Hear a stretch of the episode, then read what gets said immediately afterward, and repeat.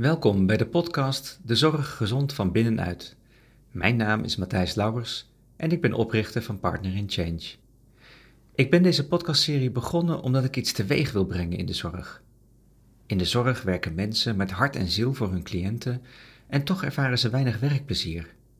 Daar hebben we iets te doen. Maar wat? In deze podcastserie ga ik in gesprek met medewerkers, managers en bestuurders in de zorg. We bespreken wat wel werkt en wat de zorg zelf kan doen om het beter te maken.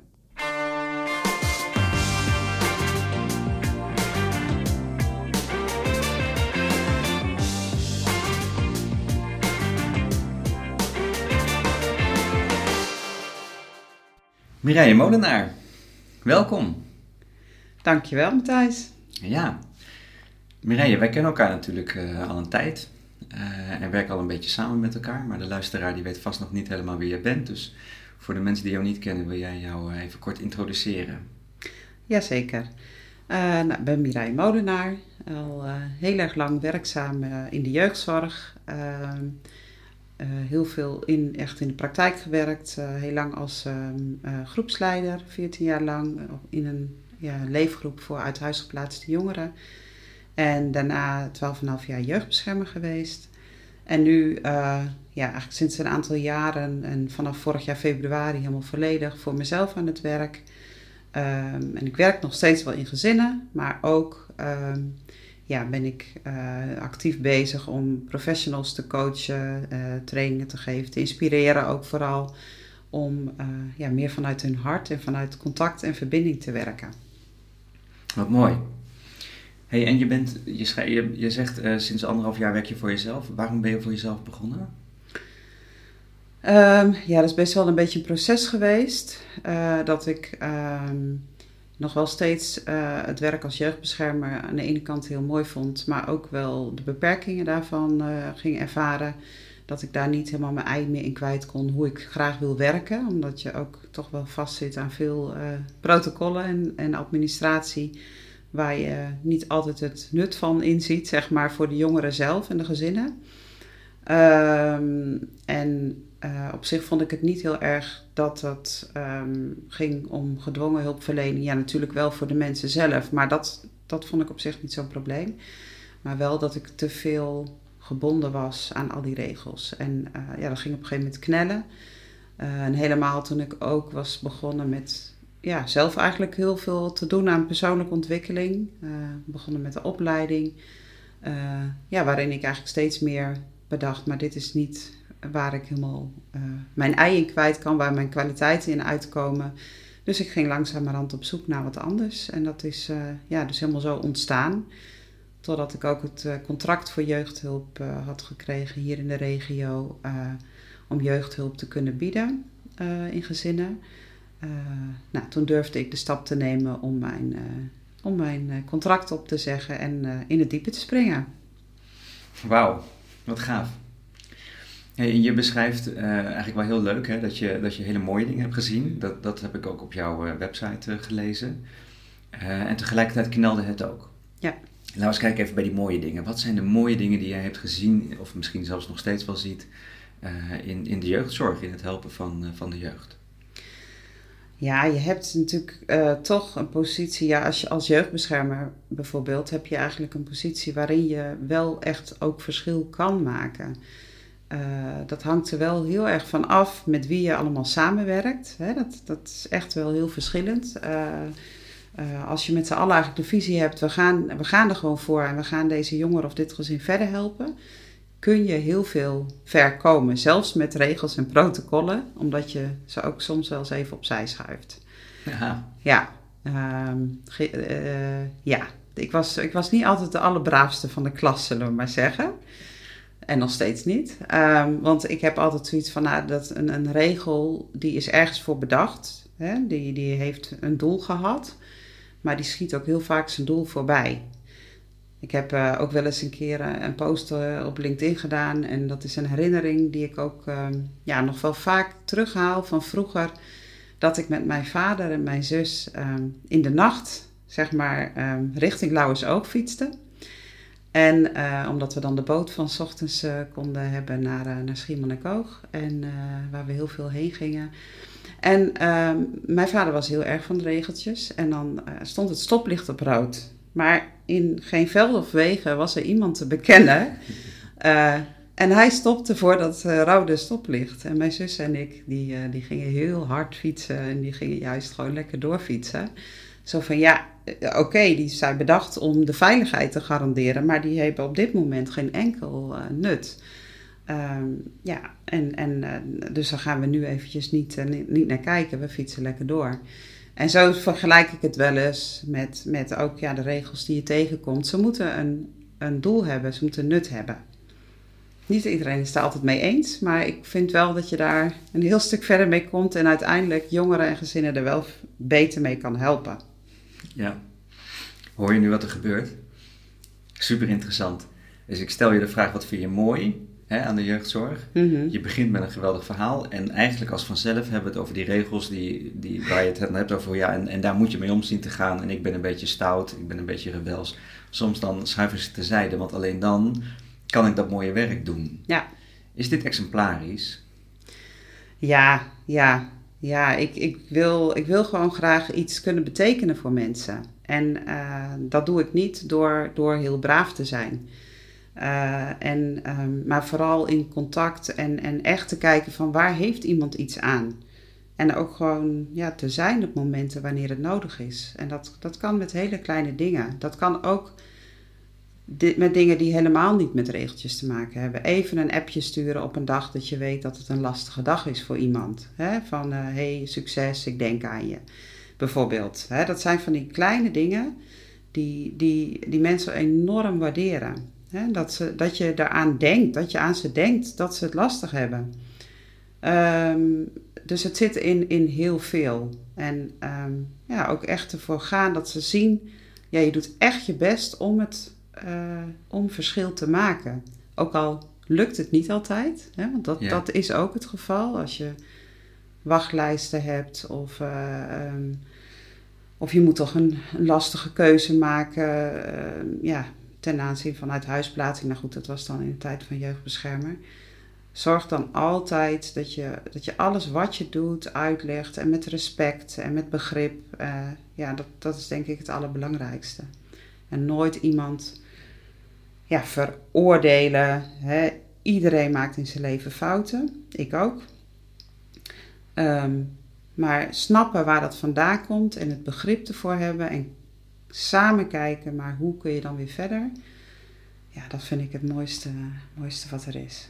Ja, nee, maar je, je, je beschrijft het alsof je dat heel zorgvuldig doet. Hè?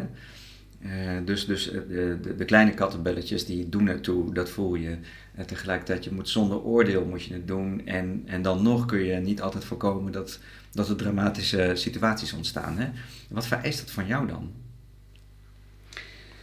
Um, ja, eigenlijk vereist het vooral om, om, om gewoon mezelf te zijn.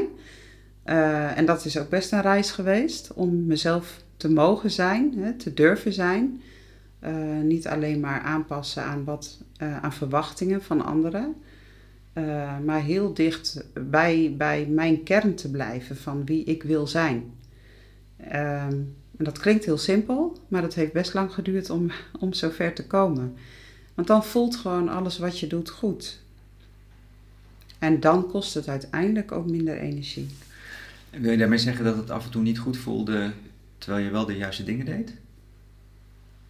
Oh, ik heb denk ik ook wel eens dingen gedaan die uiteindelijk uh, niet, niet goed waren. Of die niet helemaal dicht bij mezelf lagen. Om, omdat het van mij verwacht werd. Of het moest nu eenmaal zo. Of ik kreeg het advies om het zo te doen.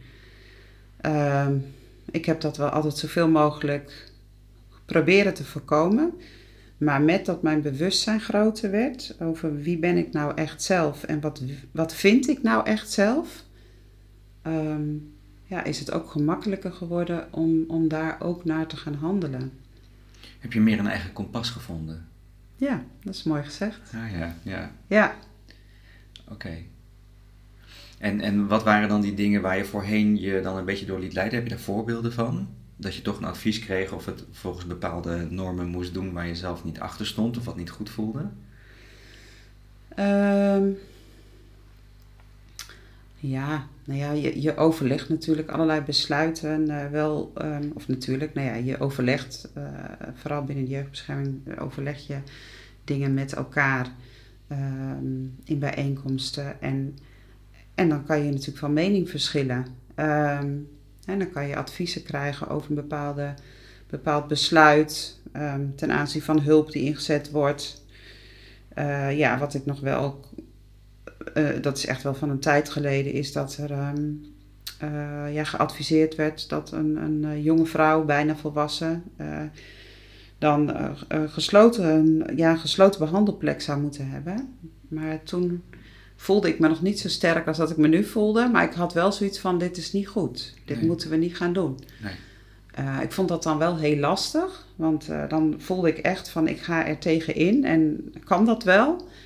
Maar het, dus ik had het wel altijd al, zeg maar, dat, dat kompas. Maar dat, dat was toen ingewikkelder. Uh, kon ik me wel schuldig voelen of zo, dat ik er tegen inging. Dus een beetje anders dan dat je me een vraag stelde eigenlijk. Maar goed. Maar um, ja, dat ik dat toen dus wel heb voorkomen. En ik, ik heb nog steeds contact met haar.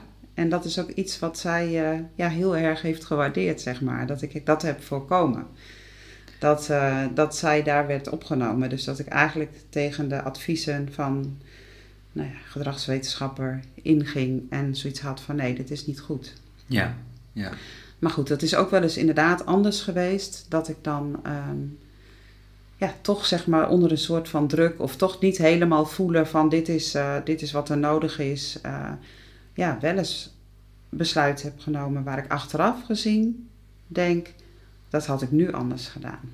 Ik, ik, ik kan nu niet even helemaal zo een concreet voorbeeld noemen, maar dat gaat ook altijd over zoveel schrijven en zoveel. Hè, dat je toch bent ingegaan met nou ja, een bepaalde hulp die, waarvan je achteraf ja, kunt bedenken, is dat handig geweest. Oké, dus je zegt, als ik, als ik meer vanuit mijn intuïtie werk, meer vanuit mijn eigen kompas werk, voel ik dat ik keuzes maak waar ik echt achter sta. Die, die goed zijn. Die goed, niet alleen goed voelen, maar gewoon echt de juiste keuzes zijn. Ja. Ja, ook omdat het um, dan altijd in overleg is met diegene die, um, waar, die het aangaat, zeg maar, waar het over gaat. He, dus dat je dat ook altijd samen doet eigenlijk. Dus ook ja. heel erg hoort, wat, wat heb jij nou nodig? Wat zou jou helpen om hier uit te komen?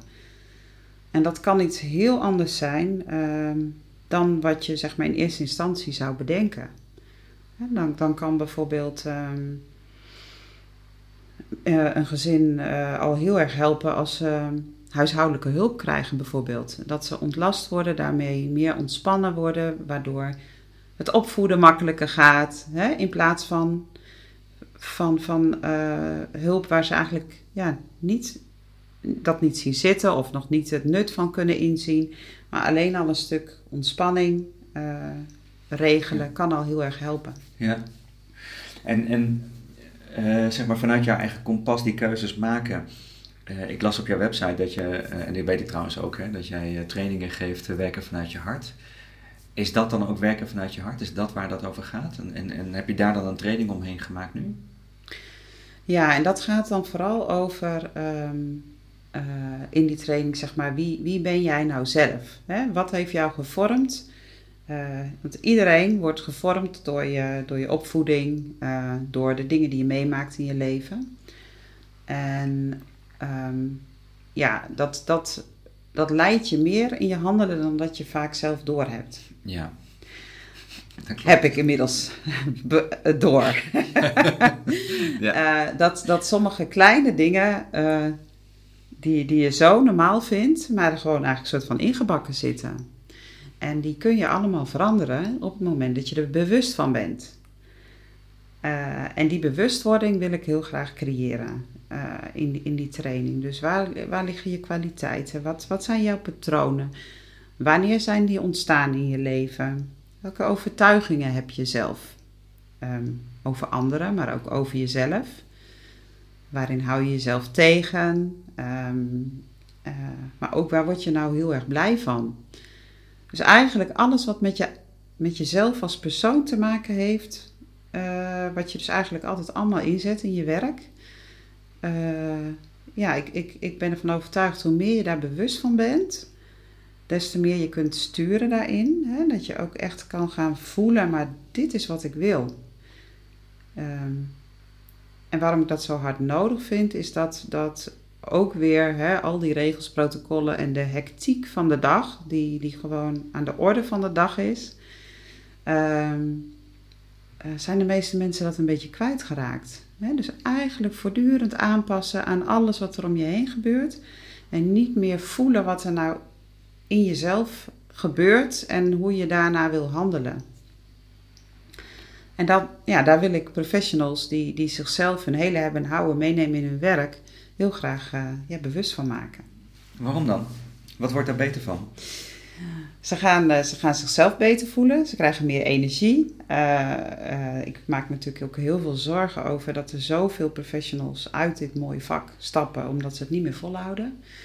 Ehm, en uiteindelijk natuurlijk voor al die jongeren en gezinnen die daardoor niet geholpen worden. Want dat, ja, dat gaat me echt aan het hart hoeveel jongeren niet de juiste hulp krijgen, ehm, ja, die niet begrepen worden, die op wachtlijsten staan, waardoor het eigenlijk van kwaad tot erger wordt. Ja, nou ja, dat, dat gaat me, dat, dat, dat doet me gewoon heel veel. Dat, daar heb ik ook veel voorbeelden van gezien. Uh, en Ehm, daarom wil ik heel graag bijdragen aan ehm, ja, gezondere professionals die weer meer vanuit hun eigen kern, vanuit hun eigen passie kunnen werken. Waardoor ze ja, het weer gaan leuk vinden, maar ook de jongeren blijer worden. Want dan worden ze ook veel beter ook gezien en geholpen. En uh, ja, als ik daar ook maar een kleine bijdrage aan kan leveren, word ik heel gelukkig. Wauw. dus Mireille, wat jij zegt is, als medewerkers in de jeugdzorg zelf bewuster worden en, en hun passie weer kunnen voelen en meer vanuit hun passie en vanuit hun bevlogenheid hun werk kunnen doen, wordt hun werk beter, gaan ze meer lol krijgen in het werk en wordt dus ook de zorg voor de jeugd beter en dus ehm, eh, wordt het voor de, voor de jeugd zelf ook beter. Ja, zeker. Ja. Okay. Ja, het heeft allemaal, haakt het op elkaar in. Ja. Ja zijn allemaal parallele processen die elkaar, uh, ja, die invloed hebben op elkaar. Ja, precies. Hey, en, en gebruik je dan ook een beetje de, dezelfde rebellie en stoutheid die jij zelf hebt daar ook in? Zou je, zou je dat de jeugdzorgmedewerker ook meer gunnen? Zeker, ja. Waarom ga je nou ja, lachen? Nou ja dat, dat, ja, dat is gewoon zo, omdat ik weet dat dat zoveel effect kan hebben. Dat je niet alleen maar ja, braaf doet wat er soort van gevraagd wordt. Want eigenlijk zit iedereen uh, een beetje daar in, in, die, in dat keurslijf, zeg maar. Uh, in een organisatie ook. Uh, zie je gewoon dat het, nou ja, ook managers, ook bestuurders, allemaal met, met, met druk van, van nog weer van bovenaf. Um, eigenlijk houden we elkaar daar allemaal mee in de greep. En dat kan je alleen doorbreken door ook ja, de, te rebelleren, zeg maar. Om er tegenin te gaan. Het niet te accepteren en keuzes te gaan maken die, die, ja, die, die verschil maken. Um, en dat is soms heel spannend. Hè? Dat, dat merk ik heel vaak, dat mensen dat spannend vinden. Um, en tegelijkertijd moedig ik wel graag mensen aan om het wel te doen. Omdat het zoveel ja, energie in je, lijf kan losmaken. Door gewoon, omdat je dan merkt, ja, nu kan ik het verschil maken. Als ik uit die strakke keurslijf van regels en verwachtingen, als ik daaruit kan stappen. Aha, oké. En daar was ik even nieuwsgierig naar. Hè? Dus je hebt het over, je houdt elkaar in een greep. Uh, en dat, dat remt af en dat maakt dat je, dat je misschien zelfs niet altijd het juiste kunt doen. Dus ik ben ontzettend benieuwd naar wat is dan die greep? Hè? Je noemt nu regels en procedures. Uh, wat, wat houdt dan zoveel tegen in de jeugdzorg, wat, wat eigenlijk dus ook uh, een anker is, hè, de jeugd ook tegenhoudt om het juiste te doen. Wat is dat? Angst. Angst? Ja. Uh, ja, op, op vele vlakken denk ik. Hè. Angst om het niet goed te doen. Angst voor misschien wel een SKJ-klacht. Sinds er ook tuchtrecht is, merk ik dat er veel onder professionals angst is. Soms ook terecht, omdat er ook mensen zijn die worden aangeklaagd. Uh, en voor het tuchtrecht moeten komen terwijl ze, naar mijn idee, uh, goed hebben gehandeld.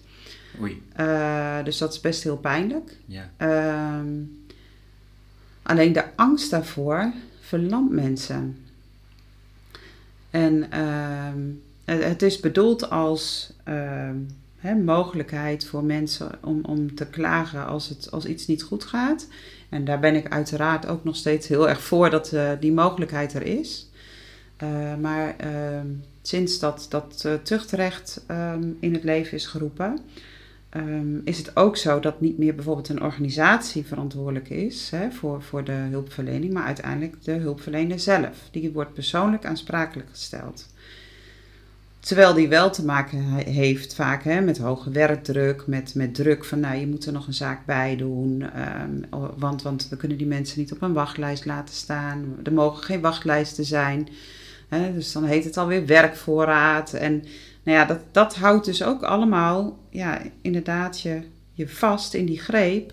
Uh, en dan nog eens die angst erbij van ja, als ik het niet goed genoeg op papier heb gezet dan, uh, dan komt daar weer een klacht over. En die klachten zijn ook soms niet mals. Uh, en terwijl ik juist denk, als je uh, ja, als hulpverlener, um, als mensen voelen, hè, je bent echt betrokken en je doet echt ontzettend je best om het te doen wat goed is. En dat zal niet in alle gevallen zijn, maar als mensen dat echt voelen en ze ook als hulpverlener zelf je kwetsbaar durft op te stellen, dat vind ik ook een hele belangrijke tot op zekere hoogte uiteraard, dan, um, dan denk ik dat, dat, dat de klachten ook veel minder zullen worden.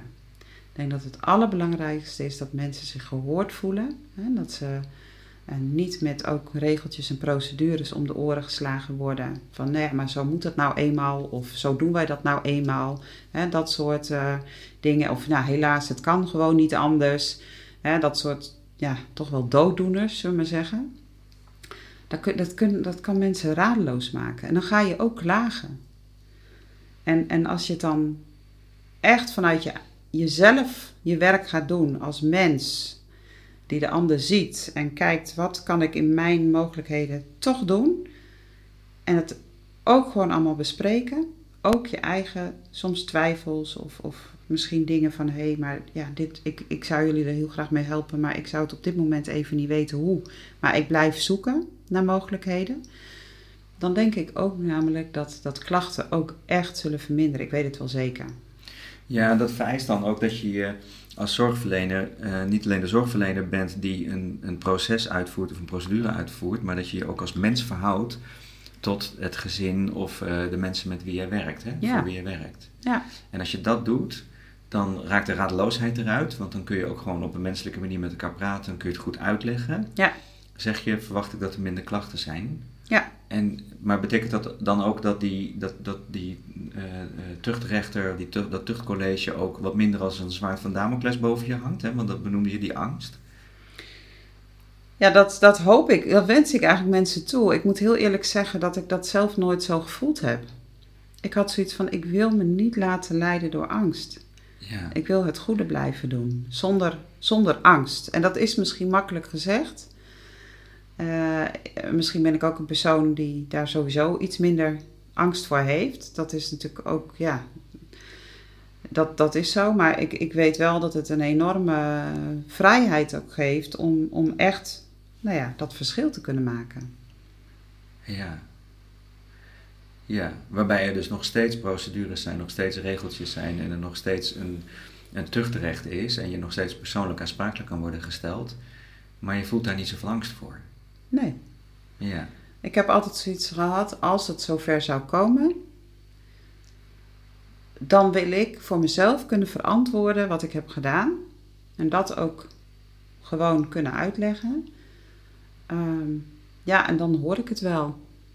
Ja, zoiets. Ja. ja. ik ben daar ook nooit, ik heb daar ook nooit voor hoeven verschijnen, gelukkig. Ik bedoel, het lijkt me ook echt geen pretje. Hè? Het is niet van, uh, oh ja, nou dat stelt niks voor. Dus lijkt me ook zeker pittig. Uh, maar ik ben er nooit bang voor geweest. Oké. Okay. en, en, en, toch zeg je, er zitten, uh, het, het, knelde toen ik nog zelf voor de jeugdzorg werkte. En mede daarom ben ik ook voor mezelf begonnen. Hè? Mm -hmm. Ja, wat wil dat zeggen? Uiteindelijk ben je namelijk ook ergens uitgestapt dan. Ja. Omdat je er geen onderdeel meer van wilde uitmaken. Nee. Nee, omdat, omdat het toch... eh, ja, je bent toch dan onderdeel van een systeem waar je ook niet altijd achter kan staan. Ehm, en en ehm, dat ik me ook te veel bezig moest houden met, met activiteiten waarvan ik het nut niet inzag, zeg maar. Ja. Ehm, en ja, of ze nou moeten of niet. hè, tuurlijk, ik snap heus wel dat, je, dat er eh, hier en daar een vorm van verslaglegging moet zijn. En vooral in de gedwongen hulpverlening. En dat dat moet kloppen, vooral voor de jongeren en voor de gezinnen, vind ik.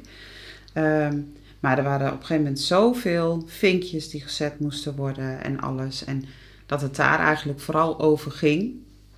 Hè? Heb je dat allemaal op tijd gedaan? Eh, dat ik dacht, ja, maar wat, wat heeft die, die jongere daaraan? Dat, nou ja, dat heb ik ook wel vaker gezegd. Ik vroeg me heel vaak af, en wat heeft het kind eraan? En eh, ja, dat, dat paste gewoon niet meer voldoende. En het is prachtig werk. Ik heb er ook af en toe nog wel heimwee naar. Ik vind het, eh, vond het ook wel heel erg mooi. Ehm, dus ik hoorde pas al iemand het ook eh, als ZZP'er doen. Ik denk, oh, dat is ook altijd nog een optie. Ja, ja. Maar nee, ik heb nu echt wel de missie van, ja, maar ik kan ook die professionals eh, hiermee gaan helpen. Om, eh, om de dingen anders te zien, om ze ja, meer zelfvertrouwen te geven, om ze alternatieven eh, mee te geven, hè, ze daarvoor te inspireren. Ehm, ja, in organisaties wat te betekenen om dingen anders aan te pakken.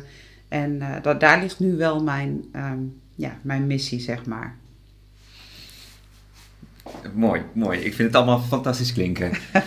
Ehm, even kijken hoor, want eh, als ik het even samenvat. Jij zegt in de jeugdzorg, het is fantastisch werk. Eh, eh, het, het, het ligt ook heel erg dicht bij je. Dat zie ik ook aan je als je erover praat. Maar veel jeugdzorgorganisaties en eigenlijk het hele systeem is zo opgezet dat, er, dat angst makkelijk om de hoek komt kijken. Dat er veel controle is, dat je veel administratie moet doen. En dat jij jezelf regelmatig de vraag stelde, maar wat helpt dit het kind? Ja. En dat vind ik een hele eh, opvallende vraag. Hè? Dat is een pijnlijke vraag ergens. Als je dat regelmatig gaat afvragen, eh, dan, dan is er iets niet helemaal goed. Je bent voor jezelf begonnen onder meer om jeugdzorgmedewerkers eh, meer vanuit hun hart te laten werken, zodat ze beter met het systeem kunnen omgaan, of eigenlijk het systeem juist niet als leidend kunnen laten zijn, maar hun eigen kompas, hun eigen compassie leidend te laten zijn. En dus misschien ook wel een klein beetje rebels kunnen zijn en niet altijd volgens die regeltjes werken Mhm. als je echt voelt dat dat niet goed is. Ja. Ehm, en nu hebben we elkaar afgelopen eh, dinsdag, twee dagen geleden, ook ontmoet eh, bij de arbeidsmarkttafel Jeugd.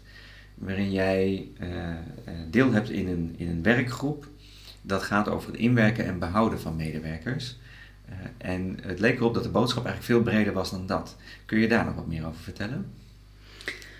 Ja, ja, ja. Eh, nou, dat was eh, sowieso ontzettend leuk om te doen. Om daar eh, in die projectgroep te zitten met meerdere professionals vanuit het werkveld.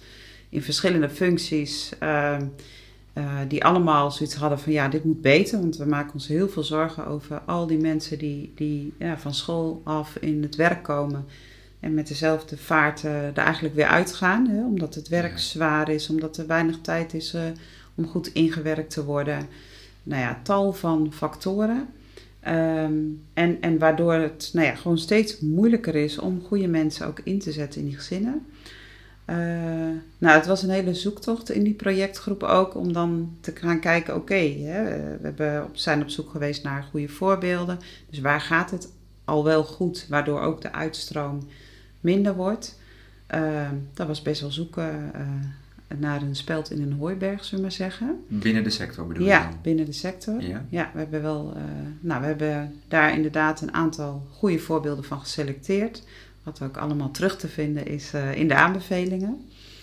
Ehm, en ehm, ja, gaandeweg, ehm, ja, wat we eigenlijk wel wisten, maar dat werd gewoon steeds duidelijker en daar werden we ons steeds bewuster van, is dat eh, dat, dat uiteraard niet voldoende is. En, en, en alleen maar een mooi inwerkprogramma, hè, die er hartstikke goed uitziet. eh, als het dan al ook helemaal zo zou werken, hè, dat is natuurlijk altijd de vraag. Je kunt iets heel mooi uitwerken op papier, maar dan de praktijk qua ehm, nou ja, uren ook, de beschikbaarheid van de mensen die dan inwerken. Dat eh, de praktijk is toch heel vaak heel weerbarstig. Ehm nou ja, daar kwamen in ieder geval heel veel dingen uit als dat, dat persoonlijke aandacht, uh, maatwerk uh, voor die, die nieuwe medewerker, dat dat heel belangrijk is. Um, maar ook dat het nog veel breder ligt dan dat. Dat het in de hele organisatiecultuur zit. Hè? Dat, dat eigenlijk zo'n organisatie een soort van warm bad moet zijn. Uh? Dat, dat, dat je onderling voelt gewoon, uh, hè, hier wil je bij horen. Hè? Dit, dit zijn, is een groep mensen, bevlogen mensen, die, die allemaal heel graag, um, wat ook vaak natuurlijk wel zo is, maar ze worden belemmerd, maar dat je echt voelt, we gaan hier verschil maken voor mensen. En, uh, en, en dat je er niet over nadenkt om weg te gaan. Nee, je wilt juist blijven, je wilt doorgroeien. Uh, ja, dat is eigenlijk waar we uiteindelijk op, op uit zijn gekomen. Van je wilt dus gewoon die hele organisatie veranderen. Om mensen die binnenkomen, nou ja, gewoon volledig uh, ja, te verwelkomen en, en te laten voelen van hier doen we hele mooie dingen met elkaar. Maar dan zeg je dus eigenlijk, de opdracht was, um, we gaan een onderzoek doen over hoe je qua inwerken en behouden van medewerkers een goed programma kunt opzetten binnen organisaties. Mm -hmm. Maar waar je gaandeweg achter komt is, ons advies is, als je mensen wilt behouden in de zorg, moet je dat veel breder bekijken. En moet je, moet je echt kijken naar je organisatiecultuur. En wil je dat het een organisatie is waar mensen voor in de rij staan, waar ze echt graag willen werken, omdat je voelt in alles wat je doet, um, wij doen iets goeds voor de jeugd. En daar zijn we voor. Ja, ja, precies. Ja, en eigenlijk van, ja, in alle lagen van zo'n organisatie. Maar ook liever met wat minder lagen. um, om, uh, nou ja, om, om in ieder geval gewoon ja, meer, meer met zelfsturing te werken. Meer, um, ja, dat, dat professionals echt zelf de ruimte krijgen om dat te doen wat nodig is. En wat, wat, uh, wat er echt toe doet. Dus... Um, inderdaad, nou, mooi om, om goed een plan te hebben hoe je nieuwe medewerkers opvangt en hoe je ze begeleidt. Maar het moet eigenlijk, dat moet een logisch gevolg zijn van hoe de hele organisatie in elkaar steekt. Kun je wat meer vertellen dan over hoe, hoe zou dat eruit zien voor jou in de ideale situatie? Uh, wat is die organisatiecultuur? Beschrijf eens een organisatie waar mensen dan zo graag bij willen werken dat je ze er niet kan wegslaan. Dat ze, dat ze, dat ze blijven, dat het verloop laag is, verzuimlaag is. Hoe ziet dat er dan uit? Wat is daarvoor nodig? Um, nou ja, wij hebben het, wij hebben het uh, gedefinieerd als uh, humane organisaties. Uh, nou, humaan, dat, dat nou, staat natuurlijk voor menselijkheid, voor vertrouwen, verbinding, contact met elkaar. Um, ja, mijn ideaal zou zijn dat, dat in die organisaties mensen werken die ja, die weten wie ze zijn. Dat ze ook weten wat, wat hun kwaliteiten zijn. Of daar in ieder geval ook voor openstaan om, om altijd op onderzoek te gaan in zichzelf. Dus ook heel erg re reflecteren. Hè? Ook zelf kijken, maar wat, wat kan ik dan doen om, om iets anders te doen? Um, uh, en ja, eigenlijk niet meer zo van, nou uh, ja, dit is het systeem die ons tegenhoudt. Maar nee, we, we gaan gewoon alles wat op ons pad komt, uh, dat lossen we op met elkaar in verbinding. Dat wil niet zeggen dat je het altijd met iedereen eens hoeft te zijn, maar met respect voor elkaar, met ruimte voor elkaars ideeën, een, een, manier vinden met elkaar. Uh, ja, dat, dat ieders kwaliteiten en dat iedere persoonlijkheid in die organisatie ertoe doet. Want als mens wil je graag uh, ergens bij horen, hè, je wilt, wilt ertoe doen, verschil kunnen maken. En dat kan ook. Alleen, dat lukt nog niet, niet altijd in, in, in heel veel organisaties. Hè?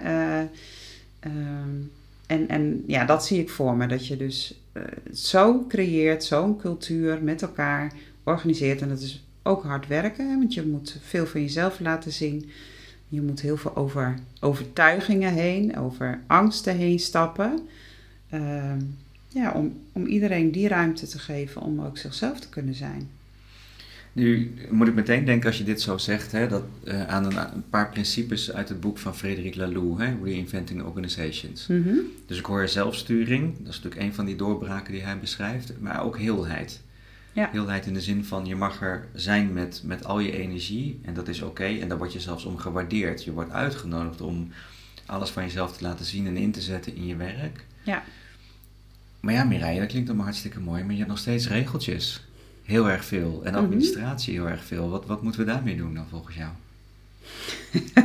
Een heel eh, eerlijk antwoord? Ja, ja. Ja, nou, eh, ik, het allerliefste zou ik gewoon ehm, vanaf eh, begin af aan denken van, nou, regels eerst maar eens overboord. En, wat, en van helemaal vanaf nul kijken, maar wat is er nou nodig om iemand echt te kunnen helpen? En wat is er nou nodig om echt medewerkers ook de ruimte te geven om dat te doen hè, eh, waarmee je echt mensen kunt helpen? En als ik dan, ik denk dan wel eens terug aan, aan eh, nou ja, hoe het eh, misschien heel lang geleden geweest moet zijn, toen we dat allemaal nog niet hadden opgetuigd met elkaar. Het ehm, is niet dat ik er naartoe terug verlang om 100 jaar terug te gaan. En er zullen ook vast ingewikkelde dingen zijn geweest. Maar gewoon ehm, dat alles staat in regels en protocollen vast. En het is zo beperkend. Als we daar heel veel van overboord gooien. Of eerst eens bedenken, maar wat is er echt noodzakelijk? Wat is er nodig aan de administratie om dit te laten lopen? Wat hebben we nou echt nodig? En van daaruit eigenlijk te bouwen. Dus vanuit de basis, wat is er nodig om jongeren en gezinnen te helpen? En uh, daarmee ook uh, werkers te faciliteren. Um, dus eigenlijk zo, gewoon andersom gaan denken. Of ja, gewoon. Ik zeg gewoon. Het is, ik zeg niet dat het simpel is. Maar ik denk wel dat het heel mooi en waardevol is. Om het echt, echt anders te gaan doen. Om van ja, die systemen naar menselijkheid te gaan. Oké, dus we hebben in de jeugdzorg hebben we een systeemwereld gebouwd, vol met regels en procedures en protocollen en verantwoording en administratie. Mm -hmm. uh, en die werkt beperkend, zeg je. Ja. Daar hebben we wel echt vooral last van. En in heel veel gevallen vraag je je af, wat helpt dit nou het kind? Ja. En je zegt, als we, dat, als we daar echt vanaf willen, dan zullen we dat ook radicaal moeten veranderen. En dan zullen we er het liefst helemaal overboord gooien. Een soort van groene weide. En dan kijken, wat hebben we minimaal nodig aan administratie? Ja. En, en daar moeten we het bij houden. Hè? Ja. Dus die protocollen moeten dienend zijn. En dan zeg je, het uitgangspunt is namelijk, we zijn er voor dat kind. Ja. En als we ons werk goed willen doen, wat hebben we dan eventueel nodig als stukje systeem daaromheen? Maar dat zou dus eigenlijk veel minder moeten zijn dan, je, dan er nu is. Dat sowieso, ja. Dan moet ik ook heel erg denken aan uh, het interview wat de projectgroep heeft gehad met, uh, met Jos de Blok, Blok die uh, buurtzorg heeft ontwikkeld of helemaal heeft opgericht. Nou, die gaat eigenlijk ook uit van deze principes. Die heeft me daartoe ook natuurlijk geïnspireerd. En ja, dat zou ik de jeugdzorg ook heel erg gunnen. Dat, dat, dat, op die manier gekeken wordt naar hoe richt je nou je organisaties in. Wat wel een kanttekening is, wat me ook nu weer te binnen schiet, is dat het dat ook weer angst zou kunnen opleveren bij uh, jongeren en gezinnen, hè, bij ouders, die zoiets hebben, ja, maar er moeten, er moeten wel richtlijnen zijn waar professionals zich aan houden, want anders dan zijn we ook vogelvrij. Hè. Dus ik denk dat dat stuk ook meegenomen moet worden. Dat juist wel die mensen die geholpen moeten worden, zich wel daarin ook veilig voelen. Dus ook denk ik dat het heel belangrijk is om ervaringsdeskundigen, die ook gelukkig wel steeds meer een grotere stem krijgen in het geheel, dan ook mee kunnen denken in dat, in dat stuk, in, in het bouwen van een organisatie of het radicaal hè, omgooien van een organisatie. Dat, dat, dat ja, die, die hebben zoveel invloed ook, of die, hebben zoveel waardevolle kennis om uh, ook te delen. Hè, van hoe borg je dat stuk? Dat is wel ook een belangrijke. Alleen zit het hem vaak niet in die regels, maar vooral in de bejegening, in de omgang, in de menselijkheid. En als het daarom draait, nou dan, en ze kunnen daarop vertrouwen, dan zal dat, uh, ja, die angst daarvoor ook minder worden. Ja, dus je wilt professionals die mensgericht werken, in organisaties werken waar ook mensgericht gewerkt wordt, humaan gewerkt wordt. Ja. Die ondersteund worden door protocollen en procedures, omdat je een fundament wilt hebben van kwaliteit ja. of zo, of een kader van kwaliteit. Eh, dat dienend zou moeten zijn in het werk. En waar we nu mee te maken hebben, is dat we een systeemwereld hebben Mhm. waarin je moet gaan zien te vormen en die leidend is in het werk wat je doet, waardoor het mensgerichte er, er nauwelijks is en dus ook de passie er minder is. Ja. Eh, en dat is de omwenteling die jij voor je ziet. Die, die zou je Ja. adviseren. Het, i- het is wel ook ingewikkeld, want het zit natuurlijk niet alleen in een organisatie, maar ook met alle partners waar je mee samenwerkt. Ja. Dus organisaties die, die eh, ehm, beschikkingen moeten hebben van een gemeente om geld te krijgen om hun werk uit te voeren. En de tarieven en het, het samenwerken met andere hulporganisaties. Dus het is een heel ingewikkeld eh radar eh, gebeuren, zeg maar, die allemaal op elkaar inhaken.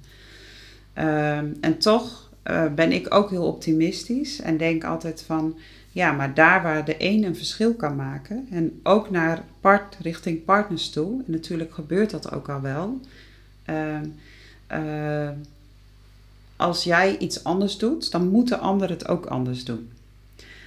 Ja. Dus eh, je hebt altijd zelf meer invloed dan dat je denkt. Ehm, en, en dat zou ik ook graag aan iedereen mee willen geven. Dat je zoveel meer invloed hebt dan dat je denkt. Dus als jij wat anders doet, moet de ander ook anders reageren. En dat is nou jammer. Al die bestuurders en managers en jeugdzorgmedewerkers die nu luisteren en die zeggen, ja, maar dat zit aan het systeem. Ze, ze komen er niet mee weg bij jou, hè? Nee. nee, nee. Nee, hoewel ik ook daarvoor begrip heb. Ik heb er natuurlijk zelf ook in gezeten. En, en, en natuurlijk heb ik ook te maken, nu nog steeds ook, hè, met, met bepaalde dingen waar ik me aan moet houden. Eh, en dat is ook helemaal prima. Maar ehm, nee, je, je hebt altijd zelf meer invloed dan dat je denkt. Het is natuurlijk ook heel veilig hè, als je je eh, achter een aantal regels kan nou ja, verschuilen. Ehm, eh, dat, dat voelt fijn, dat voelt als, nou ja, oké, nou ja, het kan nou eenmaal niet anders. En tegelijkertijd beperkt het je zo en, en zuigt het je ook leeg. En ehm, ja, dat heb ik ook bij zoveel mensen al zien gebeuren. En maar harder werken en maar harder werken. En eh, terwijl je nou ja, daar uiteindelijk niet eens zo heel veel resultaat mee, mee bereikt. eh, maar wel dat je zelf leeg loopt. Ja. Ja. Zo, we staan dan, als ik jou zo hoor, wel aan de vooravond van, van een flinke verandering in de jeugdzorg. Als we dit beter willen maken met z'n allen, hè? Wat, wat, zou Ja. jij, wat zou je organisaties nou aanbevelen? Hoe moeten ze hiermee starten? Want het wordt nogal een zoektocht. Ja, dat wordt zeker een zoektocht. En vooral, denk ik, in mensen zelf. Hè? Dat is wat ik ze in ieder geval eh, gun. ja, ik blijf het herhalen. Ehm, en eh, nou ja, we hebben natuurlijk, eh, denk ik, best mooie aanbevelingen geschreven als projectgroep ook. Om misschien niet ook zozeer een kant-en-klaar lijstje van zo moet je het aanpakken. Maar wel inspiratie om mee aan de slag te gaan. Vooral eh, om eens ja, om te denken van ehm, ja, als je, als je zo'n zo'n droomorganisatie voor je ziet, wat is daarvoor nodig? Wat zou mijn eerste stap kunnen zijn om daarmee te beginnen? En daar is natuurlijk ook wel heel vaak een frisse blik eh, van buiten voor nodig om, om dat ook daadwerkelijk te kunnen gaan zien. Als je zelf altijd met dezelfde bril kijkt, dan is het heel moeilijk om ook de andere dingen, andere mogelijkheden, alle andere opties te zien.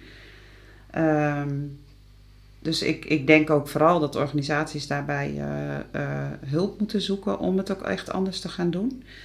Ehm, en, ehm, maar vooral denk niet dat je zelf al alle kennis altijd al, of ja, de kennis zit er wel, maar ga daar ook naar op zoek. En probeer de vaste patronen van denken los te laten. En, eh, en, en onderzoek hoe het mooier, hoe het beter kan. Want ik weet zeker dat er dan hele mooie dingen kunnen gebeuren. Ja, fantastisch. Ja, ehm, dat, dat klinkt heel erg goed. En tegelijkertijd is dat volgens mij ook rete eng.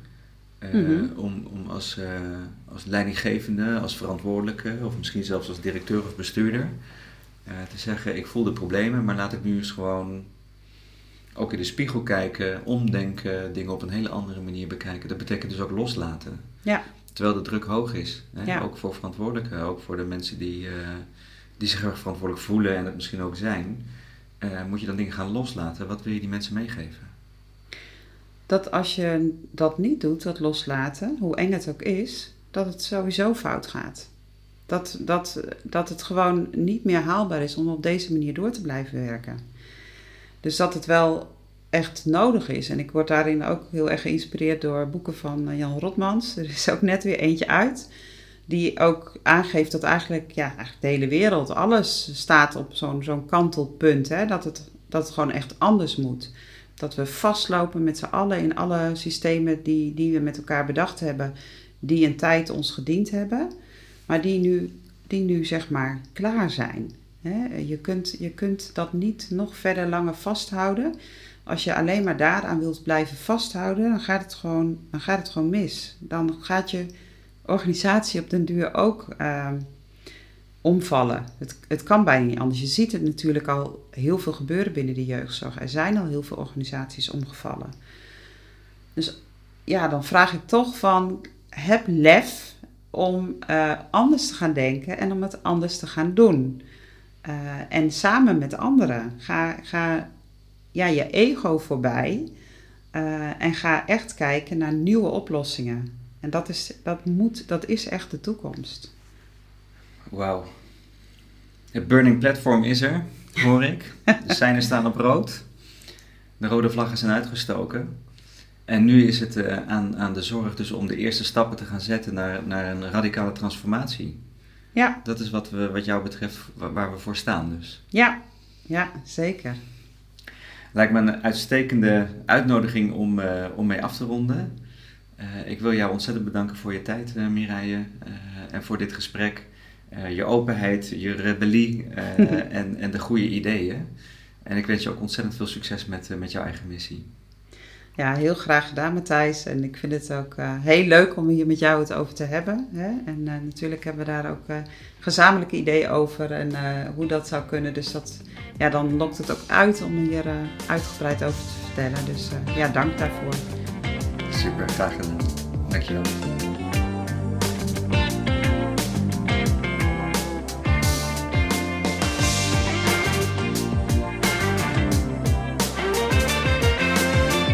Vond je dit een interessant gesprek om naar te luisteren? Abonneer je dan op deze podcast via iTunes, Spotify of je favoriete podcast app.